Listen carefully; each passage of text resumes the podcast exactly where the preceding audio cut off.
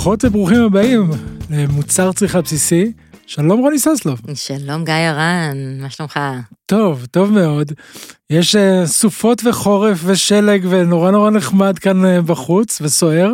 ואנחנו באולפן החמים מקליטים עכשיו יוצאים לדרך מעניינת וחדשה. כן, החלטנו לעשות אה, מיני סדרה אה, של ארבעה פרקים שיעסקו בעצם בארבעת האלמנטים מנקודת מבט של הכרם, של הגפנים, של הענבים. זה אומר שהפרק עכשיו יהיה בנושא אדמה, אחר כך מים, אחר כך אוויר ואש. אש, נהדר. כן. אנחנו בעצם מסתכלים הרבה פעמים על, על הכרם ואומרים, אוקיי, מגדלים ענבים, עושים מהם יין, מדברים על היין. אבל כל כך הרבה קורה בכרם, ובעצם כל קורמת וקורמים אה, יגידו ש...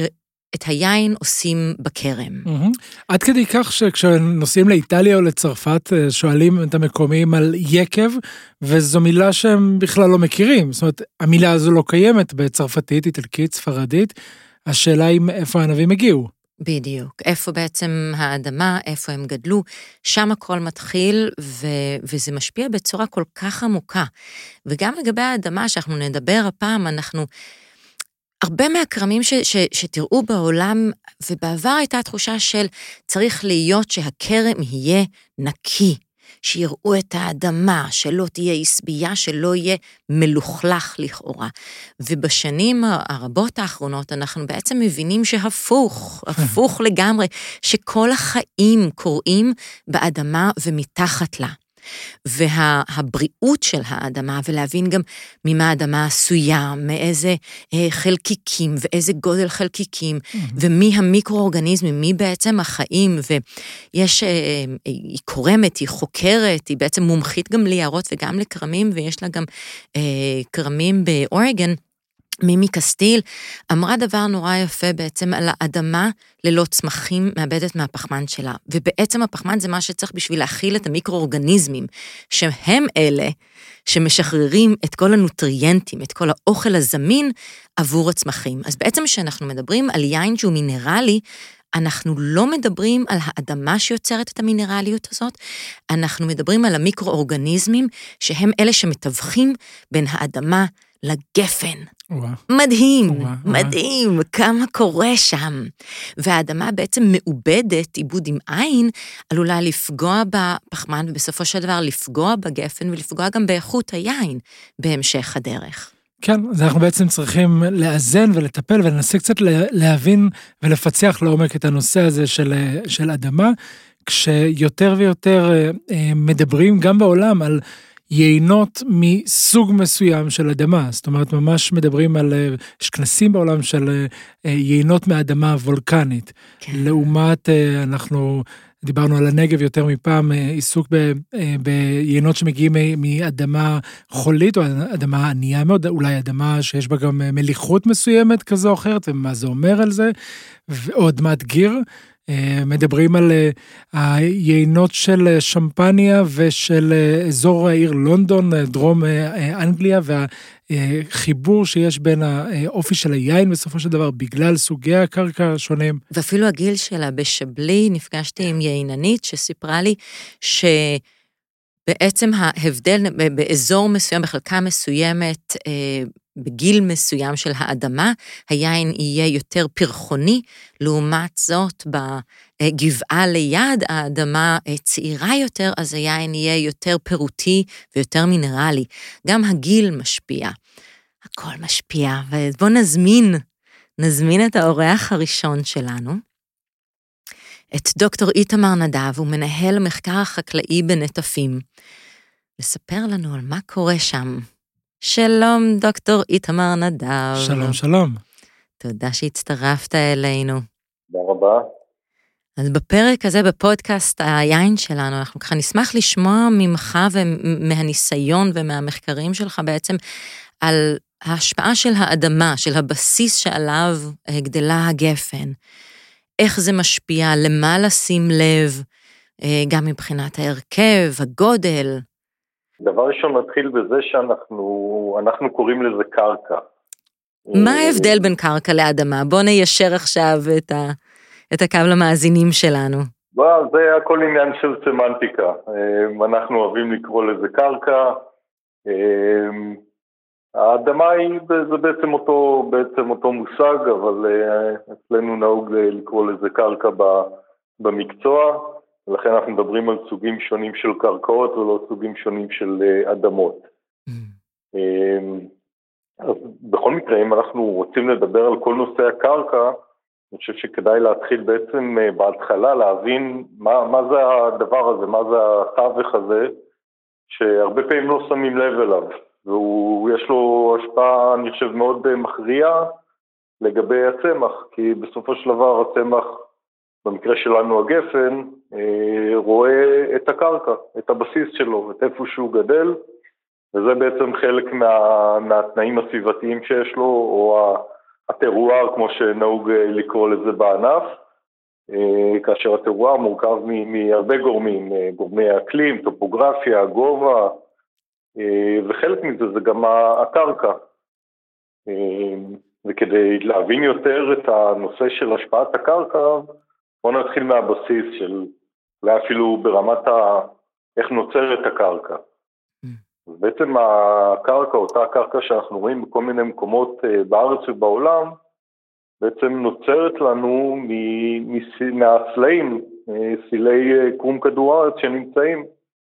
ו, ולכן במקומות שונים, גם בארץ וגם בעולם, אנחנו יכולים לראות סוגי קרקעות שונים. אצלנו במיוחד במדינה, בגלל שאנחנו כאלה קטנים, אבל הטופוגרפיה שלנו פה משתנה מצפון לדרום, אנחנו יכולים לראות הרבה סוגים של קרקעות אה, בכל מיני מקומות בארץ. אה, אם, אה, אם אנחנו בצפון, אז אנחנו נראה יותר קרקעות חרציתיות. אם אנחנו ממש בצפון, אזור, אזור ראש פינה, אזור החרמון, יש שם קרקעות אדמומיות יפות כאלה שנקראות טררוסה. קרקעות חרציתיות, גם אזור גידול גפן מאוד, אה, מאוד אה, נחשב וגם יותר איכותי, כנ"ל גם אזור אה, ההר, אזור השומרון, הם גם בנויים על אותו, על אותו מסלע. ואם אנחנו מסתכלים יותר לשפלת החוף, אנחנו רואים הרבה יותר קרקעות חוליות, כמו החמרות למיניהם, ובעמקים אנחנו מוצאים קרקעות כבדות יותר, ששקעו שם מה... בעצם עם סחף המים מהערים שמסביב, ואז אנחנו מקבלים קרקעות שחורות, כבדות, אה, עם יחסית הרבה חומר אורגני, כמו שאנחנו מוצאים למשל בעמק יזרעאל, מסביב לעפולה. אה, וכמובן בדרום אנחנו מוצאים בעיקר את קרקעות הלס, אה, שבכלל, אם דיברנו קודם שהקרקע נוצרת על, על אותו סלע, אה, הקרקעות לס ש, שיש לנו במערב הנגב, הם בכלל לא הגיעו מהסלע שנמצא בארץ, אלא הם פשוט הוסעו לפה אה, על ידי הרוח. אה, מספיק לראות את סופות האבק שיש לנו מדי פעם, במיוחד בעונות המעבר, לראות את הכמויות האבק ששוקעות לנו על האוטו אחרי אירוע כזה, כן. אז תכפילו את זה כפול כמה עשרות ואלפי, מאות אלפי שנים, בסופו של דבר מקבלים אה, קרקע. יפה, ש, אה, שגם היא נעה במקומות שונים, גם היא בעצם חלק מזה, זה, זה משקעים מכל מיני בעלי חיים שמתו ושקעו, וגם חומר אורגני שהתפרק ושקע. בעצם אנחנו פוסעים על ההיסטוריה. לגמרי. ואם אנחנו, ואם אנחנו נסתכל יותר אה, לעומק על, על, על מבנה הקרקע, אז למעשה הקרקע הוא גוף שאנחנו קוראים לו גוף תלת פאזי. זה לא תלת פאזי של חשמל, אלא הוא מורכב, הוא מורכב משלושת הפאזות שאנחנו מכירים, אה, מורכב ממוצק, שזה בעצם אה, חלקיקי הקרקע עצמם, הפיזיים, החול, החרצית, אה, מורכב מחומר אורגני שהוא גם מוצק, ואז יש לנו את הנוזל והגז, שהנוזל זה בעצם המים שנמצאים בקרקע, והגז הוא האוויר שנמצא בקרקע, שנמצא כל הזמן בשיווי משקל עם, ה, עם האטמוספירה, והאוויר והמים בעצם כל הזמן אה, משחקים ביניהם. פעם יש לנו יותר מים כשאנחנו משקים או שיורד גשם, ופעם יש לנו פחות מים כשהצמח צורך או שהמים מתאדים או מתנקזים, ואז יש לנו יותר אוויר. זאת אומרת, המערכת הזאת היא מאוד, מאוד דינמית. אז אם אני יכול רגע לוודא שאני מבין נכון, אנחנו תופסים קרקע, מי שלא עוסק אולי בתחום, כמשהו מאוד uh, סטטי, ולמעשה זה בדיוק להפך, זה משהו שמשתנה כל הזמן, uh, קרקע זזה, נעה, uh, עפה, מת, מתנפחת ומתכווצת עם תוספות של מים וגז, בעצם קרקע זה משהו שהוא מאוד מאוד ורסטילי, מאוד משתנה. לחלוטין, יש בהם מרכיבים שהם מאוד מאוד דינמיים, כמו שבאמת ציינת, נושא המים כל הזמן משתנה, אה, במיוחד אם אנחנו מדברים על חלקות מושקות, אז כמות המים והאוויר כל הזמן משתנה. גם ההרכב הכימי, אם אנחנו מוסיפים דשן, הצמח צורך, אז זה דינמי. יש את כל אה, הפאזה הביולוגית, כל אה, מרכיבי בעלי החיים בקרקע, שיכולה להשתנות כל הזמן, גם בהתאם לעונות השנה וגם בהתאם לפעולות האגרוטכניות שאנחנו עושים בקרקע. אה, זה מאוד משפיע על הביומאסה והיום מאוד מאוד מדברים על זה בנושא של בריאות הקרקע ופחות אה, לאבד את הקרקע, אי פליחה כדי לשמר את החומר האורגני, okay. אוקיי. לשמר את המגוון הביולוגי. פליחה למי שהעברית שלא הכיר את המילה, פליחה בעצם הפיכת הקרקע, נכון? חריש, כן, כן אוקיי. לגמרי, חריש, לגמרי. חריש. אז כן.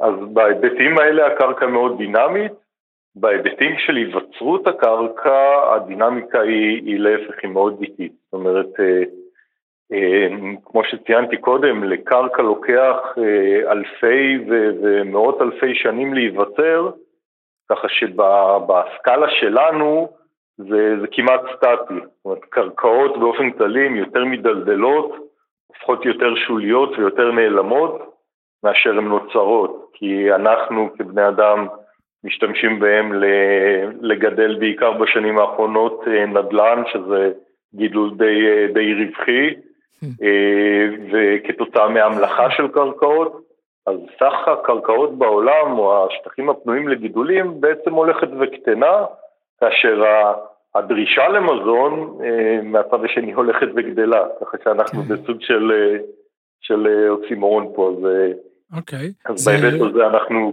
קצת בבעיה. זה משהו שבאמת מדברים עליו, ואנחנו נמצאים באיזשהו אה, אה, חשש שנגיע באמת לחוסר בקרקעות, שלא יהיו מספיק קרקעות לגדל אה, אה, אה, אוכל? אה, לחלוטין, לחלוטין. תראה, יש אפילו אה, מדינות אה, כמו סין ש, שחוקרות אה, קרקעות באפריקה כדי לספק לעצמם את, את, את המזון, כי אין להם מספיק אה, שטחים אה, בסין, שטחים ראויים.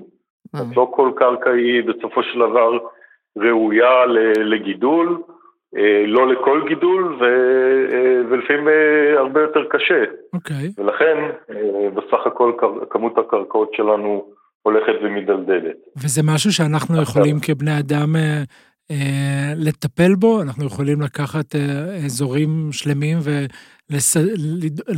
ולהוסיף לקרקע או לדאוג, לתקן מה שצריך כדי שאפשר יהיה לגדל שם? אמ, יש, יש כמה דברים שאנחנו יכולים לעשות, אה, כמו שאמרתי, יש הרי היום הרבה יותר הסתכלות על בריאות הקרקע, לעשות פחות פליחה, פחות עיבודים, פחות חריש, כי גם ציינת את זה קודם, יש לנו גם סחף של קרקע. אם ניקח למשל את האזור אה, של אה, רמות מנשה, אה, באזור הזה למשל זה אזור של גבעות שהיו עושים שם הרבה עיבודים ובגלל הגשמים והסחף עומק הקרקע פשוט הידרדר ומחקרים שעשו בשלושים שנה האחרונות הלכו לאיבוד שם כ-30 סנטימטר מעומק הקרקע. וואו. בהרבה מקומות אתה כבר רואה מחשפים של, אה, מחשופים של, אה, של אה, סלע, ואז הרבה יותר קשה אה, לגדל שם. וזה בגלל העיבוד. אה, בגלל העיבוד, בגלל חוסר חומר אורגני, בגלל אה, חוסר ביציבות הקרקע, ולכן הקרקעות האלה נוטות להיסחף. מדהים. ורואים את זה במיוחד, במיוחד בשנים האחרונות, שאנחנו מדברים על שינויי אקלים שבהם האירועי הגשם שלנו, אנחנו זוכרים בתור ילדים, חורף התחיל ב... באוקטובר, נובמבר ככה, והסתיים במרץ, עם גשמים פזורים ככה יפה לאורך השנה. והנה, החורף הזה דוגמה קיצונית.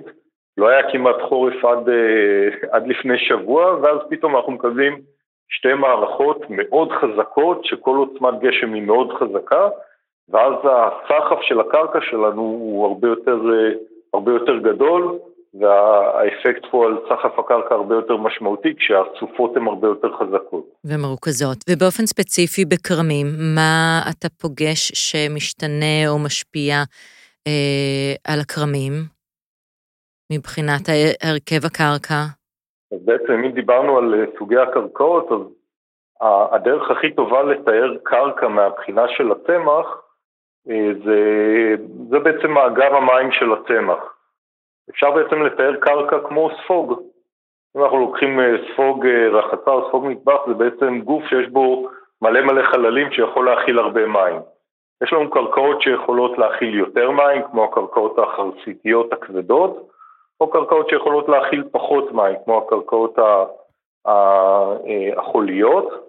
ובנוסף, כמו שאמרתי, יש גם קרקעות בעומקים שונים. אז אם אנחנו מסתכלים על על כרמים שנמצאים באזורים הרריים, הרבה פעמים הקרקע תהיה שם מאוד רדודה ומנוקזת, ואז הם פחות, למרות שזה קרקע כבדה, הם יחזיקו פחות מים, ואז אנחנו בעצם אה, מקבלים אה, יותר עקה. אנחנו יכולים להגיע לרמות עקה יותר גבוהות. עקה חוסר של. מים. עקה, בדיוק, עקת מים, ואז בעצם אנחנו מקבלים אה, יבול שהוא טיפה יותר נמוך ואיכות שהיא יותר גבוהה.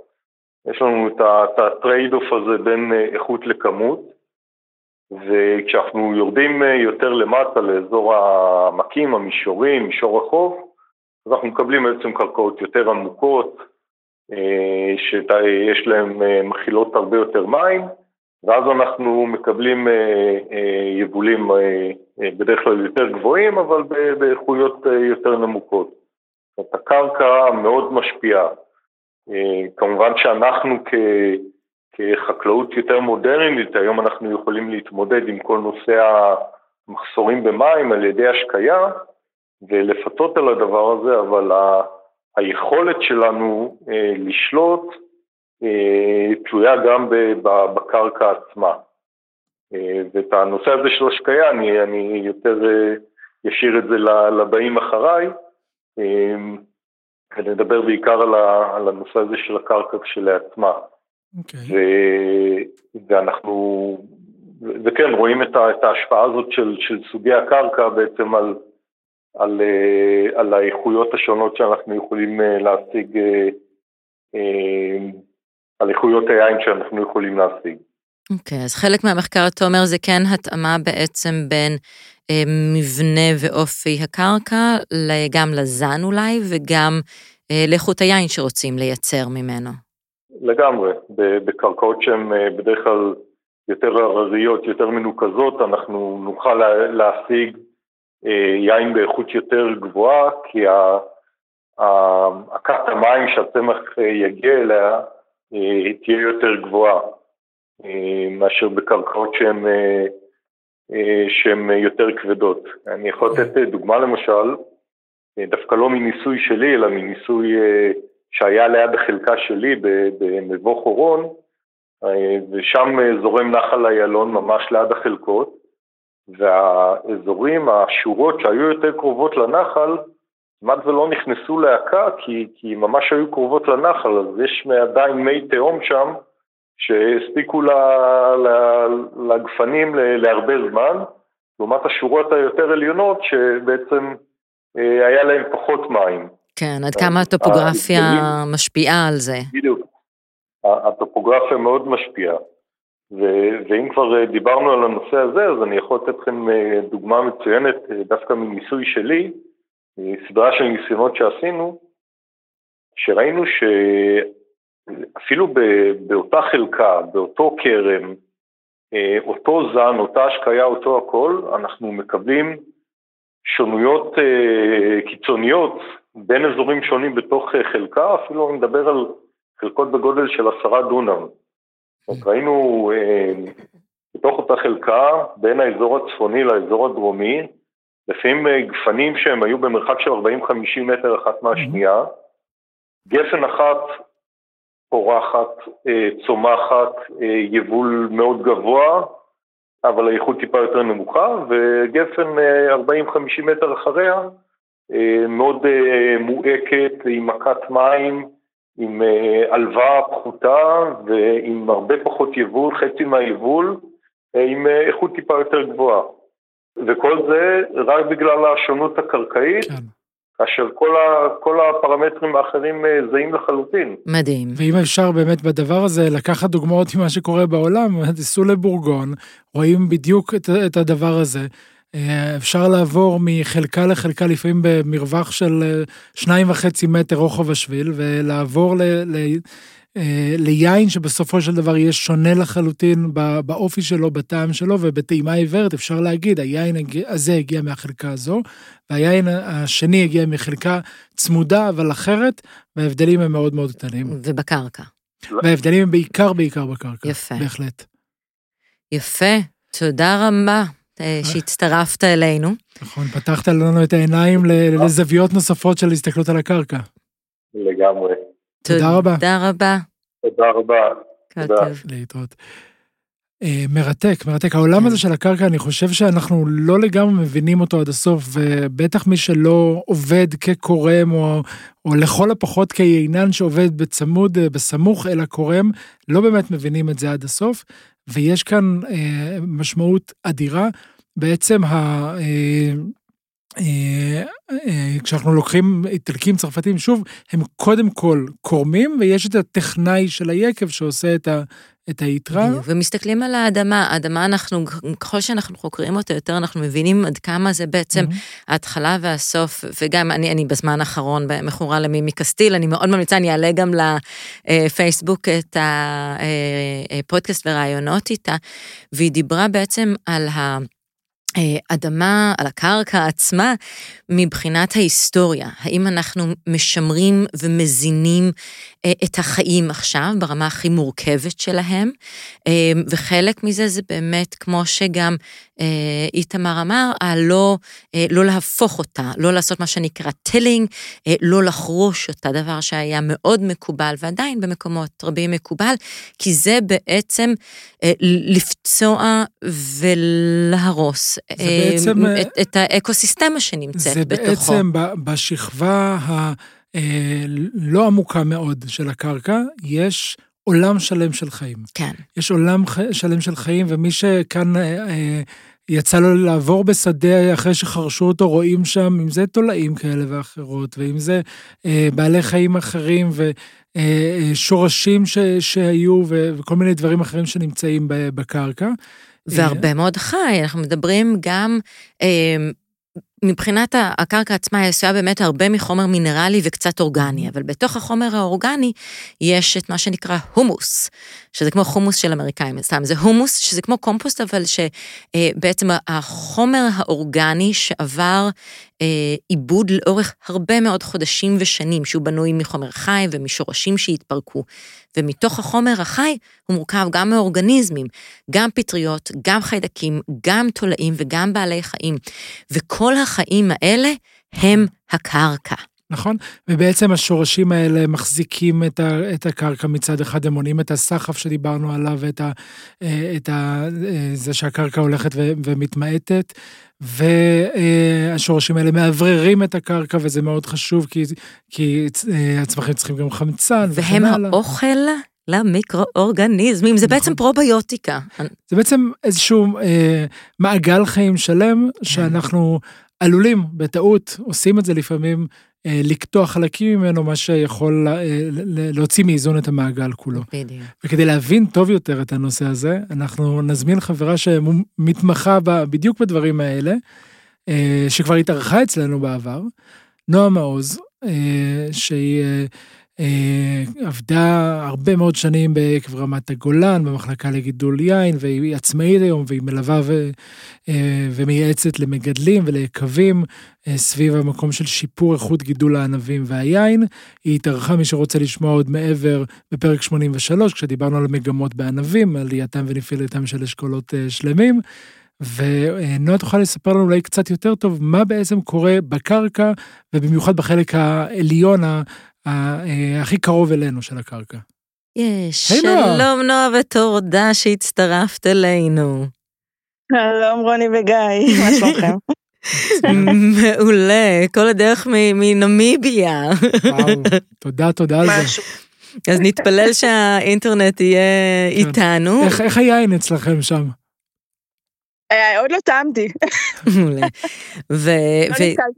אני רוצה גם להגיד לך שמאוד נהניתי מההרצאה שלך בכנס IPVO על החשיבות בעצם של האוכלוסייה המיקרוביאלית באדמה. כנס של אה, ארגון הקורמים והעניינים בישראל, שנערך ממש לאחרונה, אה, ומאוד מאוד מעניין, לצערי הייתי חולה באותו יום, אבל שמעתי שהיה מאוד מאוד מוצלח.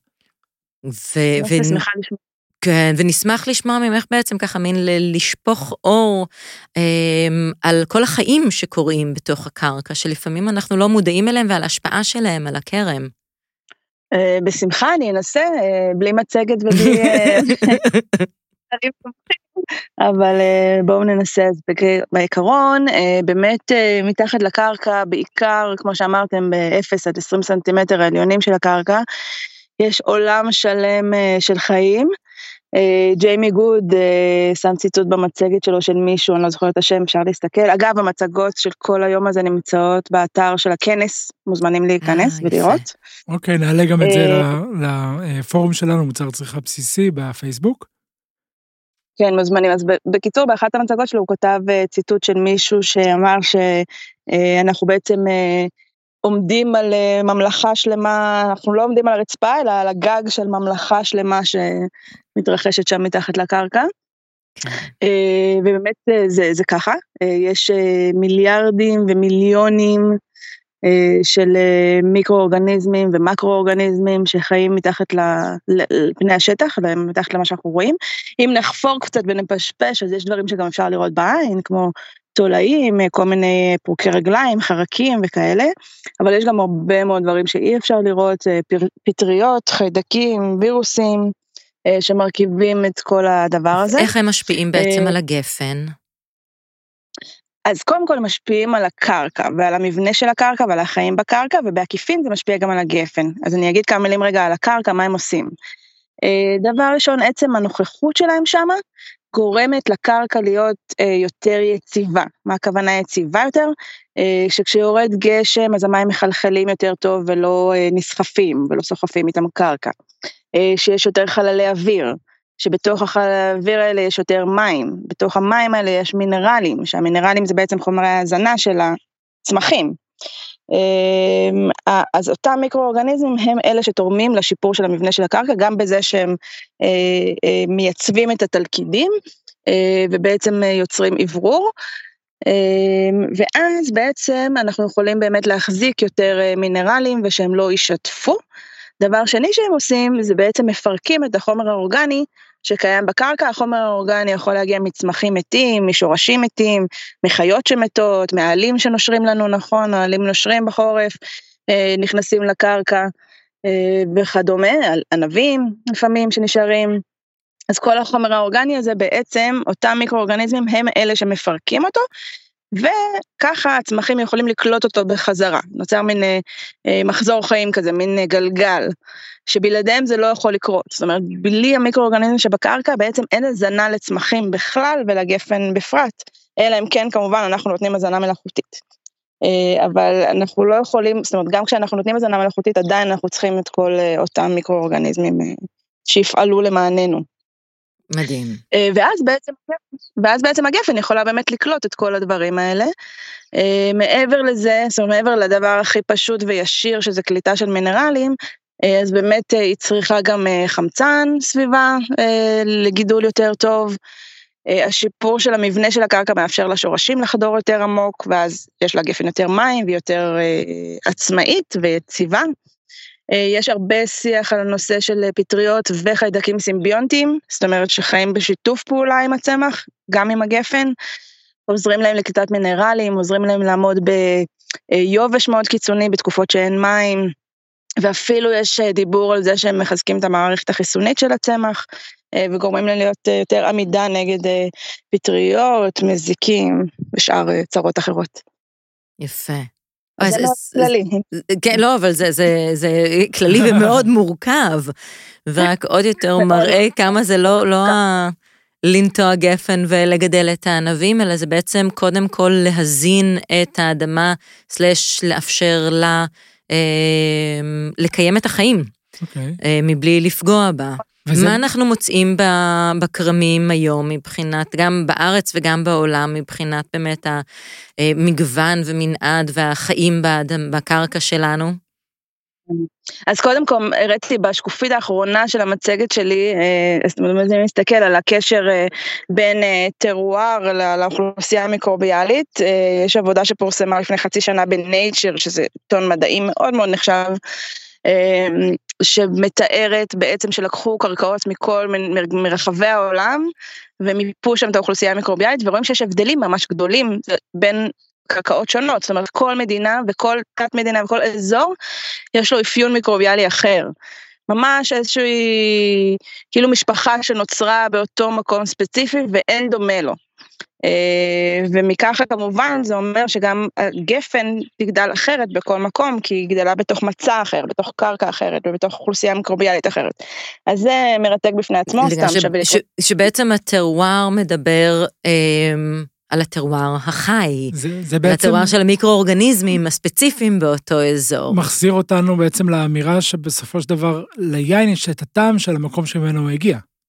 נכון, חד משמעי. אז יש הרבה עבודות קודמות יותר על באמת ההשפעה של השמרים המקומיים אה, על היין, זאת אומרת השמרים שיש על הענבים.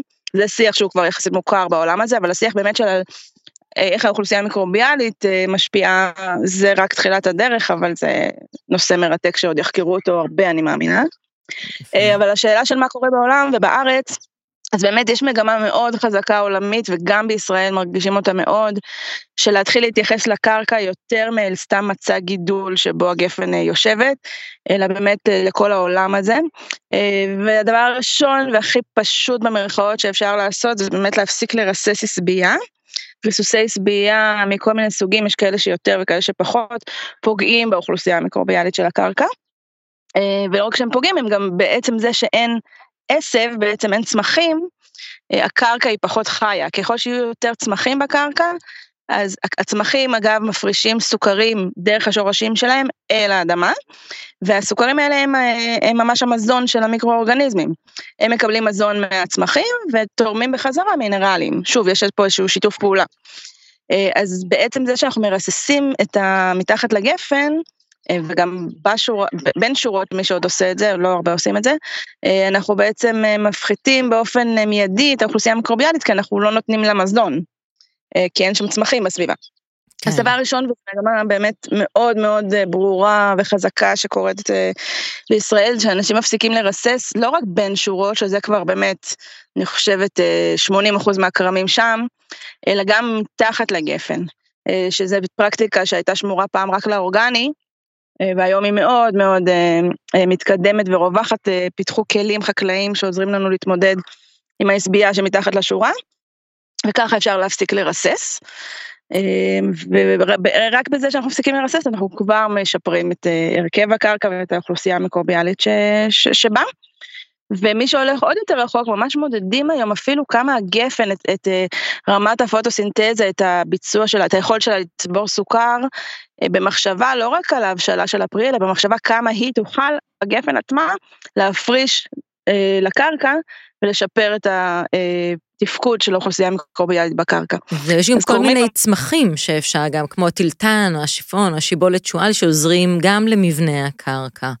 כן, כל, כל הצמחים עוזרים למבנה הקרקע, ויש צמחים מסוימים, כמו קטניות שהזכרת, שזה הטילטנים, אה, טורמוסים, אה, כל המשפחות האלה, שממש עוזרים, זאת אומרת, על הקטניות עצמם יש חיידק, שוב, חוזרים למיקרואורגניזמים שנקרא ריזוביום, שהוא מקבע חנקן, ואם אנחנו מאפשרים לכל החבר'ה האלה לגדול בכרם, אסור לנו לזרוע אותם כרגע, בהיבט של כשרות, אבל הם הרבה פעמים נמצאים באופן טבעי.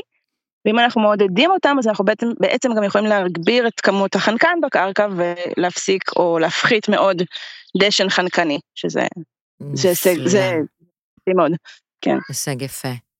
אוקיי, כן. אוקיי, יפה.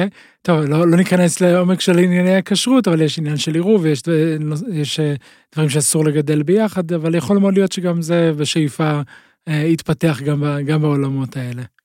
יכולה להגיד שיש שיח מאוד מתקדם עם הרבנות, עם הרבנות הראשית, ממש לא בצחוק ובציניות, אה, יש איתם שיח מאוד מתקדם, אה, על כן שנוכל לזרוע כל מיני תערובות ופשוט לכסח אותם מאוד יחסית מוקדם בעונה, לפני פריחה, לפני חנתה, ואז כל הנושא של הכלאיים ייפתר. קיצור, עובדים על זה, אני מקווה שנגיע לשם די מהר. כן. גם אני זוכרת שדיברו על, על אה, בדיקת אדמה, בעצם איך לראות כמה חיים יש באדמה, שזה היה נשמע כל כך יפה על, על הנשימה. הבזלית של האדמה, נכון. בעצם לראות כמה CO2 נפלט מהאדמה בתור מד ישיר לפעילות הביולוגית של המיקרואורגניזמים בתוך הקרקע, כי החיידקים והפטריות בדיוק כמונו נושמים חמצן ופולטים CO2, אז אם נראה כמה CO2 בעצם האדמה פולטת, נבין כמה חיים יש בתוכה. מדהים מדהים, אפשר לעשות או את זה או, או לטעום את הקרקע כמו הנזירים בבורגון, פיזית. כן, לא אבל זה, זה מאוד נכון וזה משהו שגם אמרתי בכנס, אה, אני, אני המון פעמים עושה כל מיני פעולות ביחד עם קורמים שהן פעולות לטיוב באמת של הקרקע ואנחנו עושים תצפיות וניסיונות ועד היום לא היו לנו כלים טובים מסחריים זאת אומרת אה, מוסדות אקדמיים עשו את זה אבל לא היה לחקלאי היום כלים אה, כדי באמת לראות אם הדברים שהוא עושה עוזרים או באמת משמעותיים או יש התקדמות לאיזשהו כיוון. ועכשיו יש לפחות שתי חברות שנכנסו לתחום הזה וכל אחת עושה בדיקות קצת אחרות אבל באמת נותנות בדיקות אה, כמותיות אה, לכמות אה, המיקרואורגניזמים בקרקע מכל מיני סוגים וגם באמת כמו שאמרת לנשימה שהנשימה מעידה על פעילות תאית אה, ואנחנו ממש יכולים לראות א' מאיפה התחלנו לאן אנחנו רוצים להגיע האם אנחנו מתקדמים לכיוון ולראות שאנחנו לא סתם עושים זאת אומרת שלפעולות שלנו יש משמעות.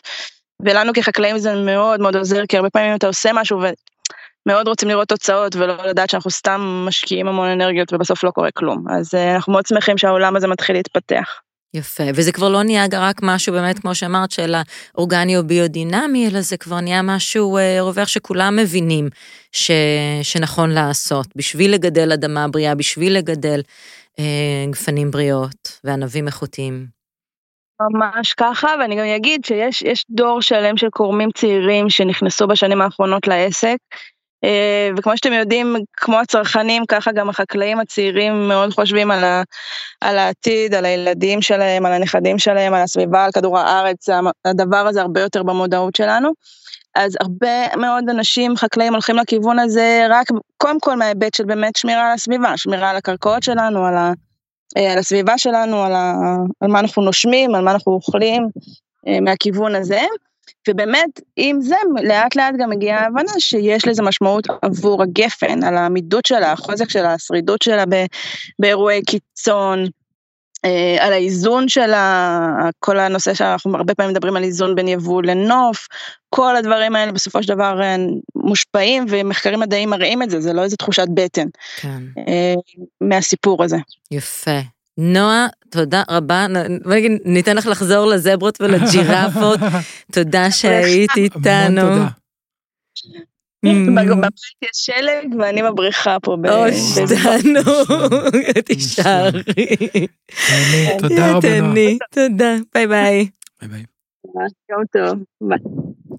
אז עד עכשיו בעצם דיברנו על סוגי הקרקעות ועל האופי שלהם, דיברנו על החיים בקרקע, ועם זאת אנחנו אה, גפן מגדלים וכרם מזינים, וגם יש הרבה דברים שאפשר לעשות ולתמוך אה, באדמה ובקרקע עצמה, כדי שהגפן אה, תוכל לחיות באופן, אה, באופן חי, באופן פורה, באופן נכון. עשיר ובאופן טוב.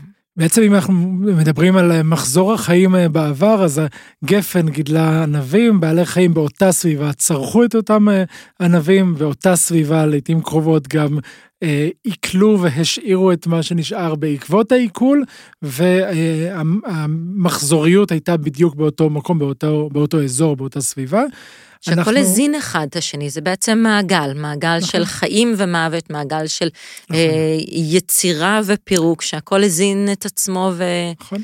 ואנחנו היום בעולם שהוא הרבה יותר גלובלי, בעולם שבו אנחנו שותים יין שמגיע מצפון צרפת, משבלי, או מצ'ילה, או ממקומות שונים, ואותו מחזור חיים, אותה מחזוריות היא הרבה יותר גדולה, היא הרבה יותר רחבה, היא הרבה פחות לוקאלית. וכן צריך אה, אה, אה, ונהוג בצורה כזו או אחרת להוסיף לאדמה את הצרכים שלה, ואם אפשר לעשות את זה גם בצורה שעוזרת למחזור והחזרה לטבע של מה שאנחנו משתמשים בו בשוטף, זה בכלל יהיה נהדר. כדי קצת להבין יותר טוב על מה מדובר כשאנחנו מדברים על מחזור ובעצם על קומפוסט, אנחנו רוצים להזמין אדם שמתמחה בדיוק בדבר הזה. הוא לא, אנסה לנסח את זה בצורה הכי עדינה שאני יכול, הוא מתפרנס מהפסולת של, של כולנו. יפה. אה, לוקח את אותה פסולת וממחזר אותה. אנחנו מדברים על דניאל אונגר, שהוא המנכ"ל של קומפוסט אור ושותף בפארק אור שבבקעת הירדן. הוא מהנדס מכונות בכלל, והקים ביחד עם שותף אה, אה, בשם דודי ריינר בשנת 2007 את, אה, את הפארק. בעצם ש... בפארק יש בדיוק פעילות מגוונת, אה, גם של מחזור וגם של כלכלה מעגלית, שהמטרה הסופית זה להפוך בעצם כל פסולת נכנסת למשאב עם 100% מחזור ואפס הטמנה. שלום דניאל. שלום דניאל. שלום רב. תודה שהצטרפת אלינו. תודה שהזמנתם אותי. האיש שלוקח את הפסולת והופך אותה לזהב טהור. כן, כן, יצא לנו לשבת קצת לדבר, לשמוע, והתחלת לספר לי על סוגים של קומפוסט ו- ועל משמעויות ועל איך מייצרים. תוכל לספר לנו קצת מה אתם עושים? כן, אנחנו מנהלים אה, פארק מחזור בבקעת הירדן, כשבעצם אה, הפארק הזה קולט אה, מגוון גדול של פסולות, וכל פסולת שנקלטת בפארק בעצם הלכה למעשה הופכת למשאב. לדוגמה, אנחנו אה, קולטים את אה, רוב הבוצה המיוצרת במכוני הטיהור במדינת ישראל, ואת רוב הגזם העירוני שאוספים אותו למרכזי, למרכזים שם uh, מרסקים אותו ומגיע אלינו כפתרון קצה. משני החומרים האלה אנחנו מפיקים קומפוסט איכותי לחקלאות, שהולך למגוון שימושים, כולל כרמים, ירקות, פלחה וכדומה. בוא נדבר באמת ספציפית על הכרם. איזה, איזה מבין okay. אוקיי. הדשנים או הקומפוסט אה, הולך לשם, ומה המשמעות של זה.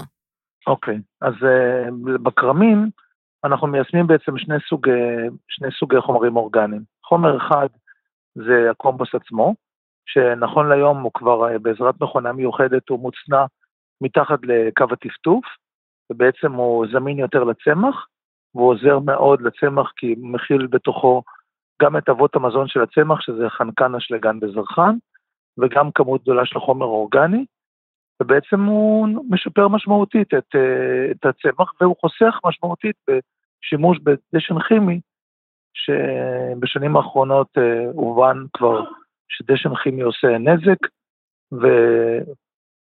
ומביא פחות תועלת מנזק. Mm-hmm. בעצם הוא ממליך את האדמה, ממליך את מי התהום, וגורם לכל מיני בעיות, הוא היה נוח לשימוש וליישום, ולכן השתמשו בו גם בכמויות מאוד גדולות. אוקיי. Okay. זה לגבי הדשן, הקומפוסט. אנחנו מייצרים עוד מוצר, שהוא נקרא, שהחברת בת שנקראת אה, קופטיאור, אה, שהחברה הזאת היא בעצם צריכה פרטילו, שמייצרת מוצר שנקרא קופטיאור, שה, שהמוצר הזה הוא בעצם אותו קומפוסט, אבל דחוס מאוד בעזרת, אה, ועוד מכיל בתוכו, חוץ מקומפוסט הבוצה, גם קומפוסט שעשוי מזבל אה, עופות, מילולים שאנחנו עובדים איתם בחברה שלישית, והחומר הזה מכיל בתוכו בריכוז הרבה יותר גבוה את החנקן, השלגן והזרחן, אבל גם בגלל הדחיסות שלו, הוא, השחרור שלו איטי, הוא בעצם מזין את הצמח במשך זמן ארוך. יפה, מה נקרא slow release. אה, שלאורך זמן באמת. בעצם אתה יכול לשים פעם אחת, ולאורך זמן אה, הגפן אמת, תקבל. נכון, נכון. הטפטפות אה, מרבות את הכופתיות והן נמסות לאט לאט, והן מרבות ונותנות מזון לצמח או לכרם במשך תקופה מאוד ארוכה, ורואים תוצאות ממש מהר. ובואו שנייה אחת נלך בכלל להתחלה, בכלל בשביל מה? בשביל מה צריך את זה? בשביל מה צריך את הדשן? בשביל מה צריך את הקומפוסט? באיזה מצבים? כן, תראי, הבינו לפני שנים רבות, אלפי שנים, אה, חקלאים אה, כבר בימי הביניים הבינו שתוספת אה, זבל לאדמה, בווריאציה הפשוטה ביותר שלו, נותן בעצם, נותן ערך מוסף, נותן לצמח מזון, mm-hmm. נותן לצמח צימוח, נותן לצמח דברים שבעצם הוא לוקח מהאדמה ומחזירים את זה לאדמה. הרי כל צמח מפיק את, ה, את הפרי שלו, את הירק שלו, מהאדמה בעצם, משם הוא שואב את הכוח. וכשהוא לוקח במשך שנים מתוך האדמה את החומרים האורגניים, אם לא מחזירים לאדמה את החומר האורגני, אז uh, אין לצמח עם מה לחיות. Mm-hmm. זה לא רק מים, זה גם מזון. וזאת הסיבה שחומר אורגני עושה טוב לצמח. אוקיי. Okay. ובמהלך השנים uh, התחילו להשתמש יותר ויותר דווקא בדשן כימי, ושכחו קצת באיזשהו מקום את הפן האורגני. והדשן הכימי הוא, הוא נהדר, כי הוא נותן בדיוק את החנקן והאשלגן והזרחן שהצמח צריך, מחד גיסא, ומצד שני, הוא מונע מהצמח את, ה, את החומר האורגני, שבדיעבד הוא גם הוא חסר מאוד. ולכן, אה, השילוב אה, של חומר אורגני וחומר ודשן כימי, הוא השילוב המושלם. כשאנחנו בעצם הגענו לפורמולות היום בכופתיות, שיש בהם גם את, את הדשן הכימי בצורה טבעית בתוך הכופתית, וגם את, את כמות הגדולה של החומר האורגני שנותנת לצמח את, ה, את, את, את המזון שהוא צריך, ולאדמה את הרגבובית, את, ה, את הטיוב, זה בעצם טיוב קרקע. האדמה הופכת להיות יותר פריחה, הרבה יותר קלה לחדירה לשורשים, ויותר מטויבת מה שנקרא. אוקיי. Okay. אה, בעצם אה, לי בגינה יש אה, קומפוסטר, אני עושה קומפוסט ואני אשתמש בו, משתמש בו לגינה שלי, אבל מה שאתם עושים זה לא בדיוק אותו קומפוסטר ביתי בסיסי, הטכניקה קצת שונה לפי מה שהבנתי. נכון, נתחיל בזה שהקומפוסטר העשוי מפסולת ביתית הוא עני מאוד בחנקן אשלגן וזרחן. אז גם אם הוא נראה כמו קומפוסט, אה, עדיין חסרים בו את אה, אבות המזון שהצמח צריך. אה, מאידך, בבוצה, שזה של בני אדם, של בעלי החיים, יש הרבה יותר חנקן ואשלגן, ולכן הוא, בבסיס הוא חומר יותר טוב מקומפוסט שעשוי מפסולת ביתית. בנוסף, החומר, התהליך שלנו הוא תהליך מאוד ממוכן. הוא תהליך שבעצם אנחנו גורמים לתהליך הטבעי באמצעים, באמצעים מכניים להיות מהיר יותר ואפקטיבי יותר. אנחנו, אנחנו בודקים בבקרה מיוחדת תוך כדי התהליך את רמת הלחות בתהליך, אנחנו דואגים שהחיידקים שבעצם מבצעים את תהליך הקומפוסטציה יעבדו בצורה מיטבית, ולפיכך התהליך אה, בבקרה מלאה והקומפוסט שמתקבל בסופו של דבר הוא קומפוסט אה, מאוד איכותי ומאוד ושלם. Okay. אוקיי. שהוא לא גמר תהליך קומפוסטציה שלם, הוא יונק חנקן מהאדמה, במקום לשחרר חנקן לאדמה. זהו, אז דיברת פה גם באמת על, ה, אמ, על, על החנקן, דיברת, אה, אבל גם על המיקרואורגניזמים, שבעצם האם הקומפוסט ששמים הוא מכיל בעצם לא רק את החומרי בסיס, כמו שאמרת, כמו שבעבר הדשן הכימי יכיל, אלא זה ממש חומר חי. לח, חד משמעית, חד משמעית. יש בקומפוסט אה, כמות עצומה של מיקרואורגניזמים, כשבעצם בתהליך הקומפוסטציה, בגלל שבמהלך התהליך החומר מתחמם לקרוב ל-80 מעלות, אז החיידקים הרעים שמזיקים לאדם אה, מושמדים בתהליך, הם לא שורדים בטמפרטורות, אבל מיקרואורגניזמים רבים וטובים נותרים בתוך, ה, בתוך הקומפוסט ועוזרים מאוד ל, ל, ל, לצימוח. ממש פרוביוטיקה. ממש פרוביוטיקה, בדיוק. יפה. מרתק. Um, הדבר הזה, אם אני מבין נכון, אתם, אתם בעצם אולי המפעל הגדול ביותר בארץ uh, בהקשר הזה. מה המצב בעולם? יוצא לכם לעבוד uh, מול uh, מקומות אחרים, לראות קצת איך זה עובד שם ולשתף איתם פעולה? ובכלל, כמה מקובל להשתמש באמת בדשן וקומפוסט בעולם, לעומת הארץ? תראי, אנחנו נוכחנו המפעל הגדול ביותר בישראל ובין הגדולים בעולם מסוגו, כי אנחנו ספציפית, מתעסקים בעיקר בקליטה של בוצת אדם. אה, בוצת אדם בישראל היא ברמה הרבה יותר גבוהה מבוצת אדם ברוב המדינות בעולם, בשל ההקפדה היתרה של הפרדת אה, ביוב סניטרי מביוב אה, אה, תעשייתי. אה. ולפיכך חומר הגלם הוא טוב מאוד לחקלאות, והוא משמש כחומר גלם מצוין לקומפוסטציה. בעולם אה, יש מודעות, אבל בדרך כלל יש מודעות לשימוש בזבל ברמה הפשוטה ביותר שלו. פשוט לוקחים זבל מבעלי חיים, או מתלולים ורפתות וכדומה, ומפזרים אותו בשטח. כמו שאמרתי, הוא הרבה פחות אפקטיבי, כי הוא בעצם מבצע תהליך הקומפוסטציה בשטח באופן טבעי, בצורה לא מיטבית, והוא גם לפעמים מונה, גוזל מהאדמה חומרים, בטרם הוא משחרר לאדמה חומרים. ולפיכך, תהליך קומפוסטציה מלא בתוך מפעל, מביא את החומר, מנגיש את החומר לצמח בצורה מושלמת. איך אתה בכלל יודע איזה כרם צריך, כמה צריך, אם שמת מספיק, שמת פחות מדי, יותר מדי, אם זה עזר בכלל?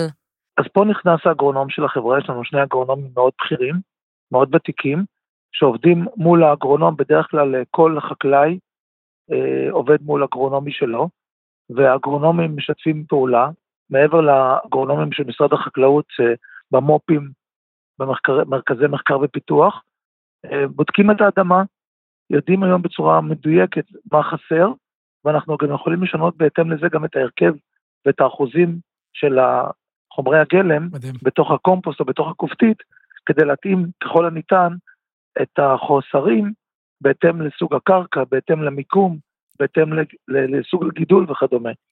אתה מוצא שסוגים שונים של קרקעות אה, בעצם אה, מין מבקשים סוגים שונים של הרכבי דשן? בהחלט, בהחלט. יפה, אז כל ממש... אדמה והאיכות שלה, כל גידול והאיכות שלו. כן, ממש אפשר, אני לא יכול להגיד שתראי, זה חומר טבעי. כן, זה חומר טבעי, הוא לא מדע מדויק כמו דשן כימי. מצד שני, שהוא, יותר, שהוא הרבה יותר מדויק, אבל מאידך הוא מכין בתוכו, בתורו, בתוכו כל כך הרבה יתרונות, ש, שהם אה, הרבה יותר גדולים מה, מחוסר התאמתו המושלמת לצרכים. מרתק. יפה. מרתק, מרתק, ואנחנו באמת לומד, רואים, ו... רואים לימוד גדול יותר של סוגי קרקעות אה, בארץ, בכלל בעולם, ומה הם צריכים, אה, מה קרקע כזו או אחרת צריכה, ו... אה, ואותו קומפוסט, אם אנחנו מבינים נכון, שאתם יודעים להתאים קומפוסט בהתאם לצורכי הקרקע וצורכי החקלאות וכן הלאה, אני אה, מרגיש שזה, שאנחנו רק בתחילת הדרך של להבין את, ה, את העולם הזה. הרבה הרבה תודה שהצטרפת אלינו. תודה רבה. תודה לכם, שמחתי תודה, להיות חלק. תודה, תודה. ביי ביי. ערב נעים. תודה. וואו. כמה קורה, כמה קורה בתוך הקרקע, כן, כן. כמה חי, כמה... בעצם הכל, הכל קורה. מה שאנחנו רואים זה, זה ממש, ליטרלי, קצה הקרחון, נכון. קצה נכון, נכון. הגפן. ולא לא נכנסנו פה לה, להיסטוריה, אבל בעצם ההיסטוריה של דישון זה משהו שהתפתח מאוד במאה השנים האחרונות, לפני כן זה היה בר, ברמה אחרת לגמרי, בטח בהקשר הכימי ומלחמות העולם, שמשם אה, נשארו, אה, נשאר הרבה אה, עודף בחומרים כימיים שהלכו אחרי זה לדישון ואפשרו את הג- הגדלת הייצור בעולם. בדיוק, ומה שרצינו בעבר זה להגדיל את הייצור, ומה שעכשיו אנחנו מדברים עליו זה הקיימות, זה ה... אה, האיזון. האיזון, האיזון בסוף. זה נכון. אז אנחנו נסיים עם איזון, ונזמין אתכם אה, לכתוב לנו בפורום היין שלנו מוצר צריכה בסיסי בפייסבוק, או אה, אפשר לפנות גם לכל אחד מאיתנו באופן ישיר ואישי, ואנחנו שמחים לקבל את הפניות שלכם. בהחלט. תודה רבה. תודה, ביי ביי. כל טוב.